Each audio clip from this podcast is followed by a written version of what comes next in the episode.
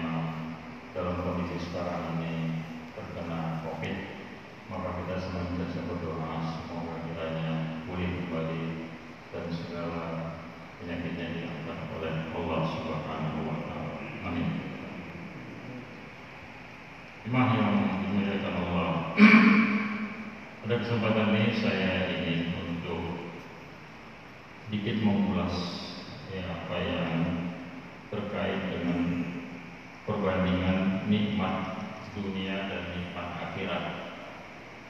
Itu tentunya penting kita sebagai manusia yang tentunya kita berharap tidak ada di antara kita ini yang tidak menginginkan surga. Para jemaah, dimuliakan Allah. Sesungguhnya kehidupan dunia akan kita tinggalkan dan kita semua akan menuju kehidupan yang abadi di akhirat. Kita semua sedang berada di rel menuju akhirat.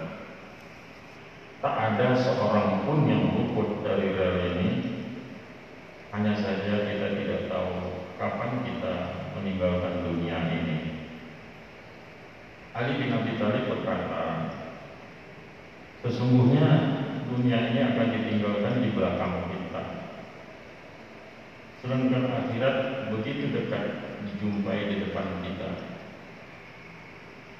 Dunia dan akhirat masing-masing memiliki pengikut. Jadilah pengikut akhirat. Janganlah menjadi budak di dunia. Hari ini dunia adalah hari tidak ada hisab atau perhitungan. Sedangkan besok di akhirat adalah hari hisab, perhitungan tidak ada lagi amalan. Mas kalian, jadilah orang yang memilih akhirat dan mengorbankan dunianya untuk akhirat. Jangan menjadi orang yang mengorbankan akhiratnya demi kehidupan dunia. Karena kenikmatan akhirat adalah kenikmatan yang tiada bandingnya. Allah berfirman, Aku sediakan bagi hamba-hambaku yang soleh surga yang tidak pernah dilihat oleh mata, tidak pernah didengar oleh telinga, dan tidak pernah berdetik ya, di hati. Firman Allah Tak seorang pun mengetahui berbagai nikmat yang menanti yang indah dipandang sebagai balasan bagi mereka atas apa yang mereka kerjakan. Surat As-Sajdah ayat 17, kemudian hadis Bukhari dan Muslim. Karena itu, janganlah terpana dengan keindahan dunia yang akan sirna. Seorang mukmin hendaknya memalingkan pandangannya ke kehidupan akhirat. Jemaah sekalian, pada kesempatan ini ya kita memberikan gambaran perbandingan antara kehidupan dunia dengan kehidupan akhirat.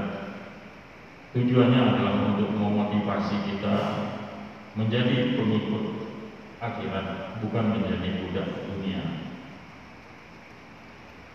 Nah, kehidupan dunia begitu cepat berlalu Allah Ta'ala menggambarkan dalam kehidupan dunia ini dengan firman-Nya Ketahuilah bahwa sesungguhnya kehidupan, kehidupan dunia ini hanyalah permainan dan sesuatu yang melalaikan perhiasan dan termegah-megah antara kamu serta berbangga-bangga tentang banyaknya harta anak seperti hujan dan tanaman yang mengagumkan para petani kemudian tanaman itu menjadi kering dan kamu lihat warnanya kuning kemudian menjadi hancur. Dan dia kira nanti ada dan ampunan Allah serta keridaannya. Dan kehidupan dunia ini tidak lain hanyalah kesenangan menipu. Surat Al-Hadid ayat 20. Jemaah sekalian yang dimuliakan Allah. Adapun kehidupan akhirat adalah kehidupan yang kekal abadi tanpa batas. Sebut saja masa-masa yang paling lama ribuan tahun, miliaran tahun di dunia dan waktu-waktu lama lainnya. Sesungguhnya kehidupan akhirat itu lebih lama dari itu. Ya, jadi saya garis bawahi lebih lama dari itu karena itu adalah kehidupan yang abadi. Nah, oleh karena itu, ya dalam Quran juga dikatakan, tetapi kamu memilih kehidupan dunia, ya, sedangkan kehidupan akhirat adalah lebih baik dan lebih kekal. Ini yang sering kita dengarkan dalam surat Al-A'raf. Akhiratu khairul minal ula.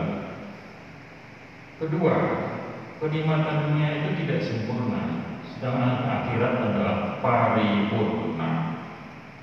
Kehidupan dunia tidak sempurna sedangkan akhirat itu tidak ada celah. Tidak ada kekurangan di dalamnya. Apabila kita membaca tentang keadaan di surga, maka kita akan membayangkan betapa sempurnanya kehidupan di surga. Tidak ada lelah, tidak ada keluh kesah, tidak ada perselisihan, tidak ada tua, selalu muda, tidak ada kesedihan, dan selalu kegembiraan dan berbagai macam gambar lainnya tentang kenikmatan surga. Yang ketiga, kenikmatan dunia tak selalu bisa dinikmati. Kenikmatan akhirat, akhirat senantiasa bisa dinikmati. Nikmat dunia tidak selalu bisa dinikmati. Ada masanya dan ada kadarnya. Misalnya, kita bicara tentang buah buahan itu di dunia tak selalu tersedia, ada musimnya, ada masa hilangnya, berbeda dengan buah-buahan yang ada di surga.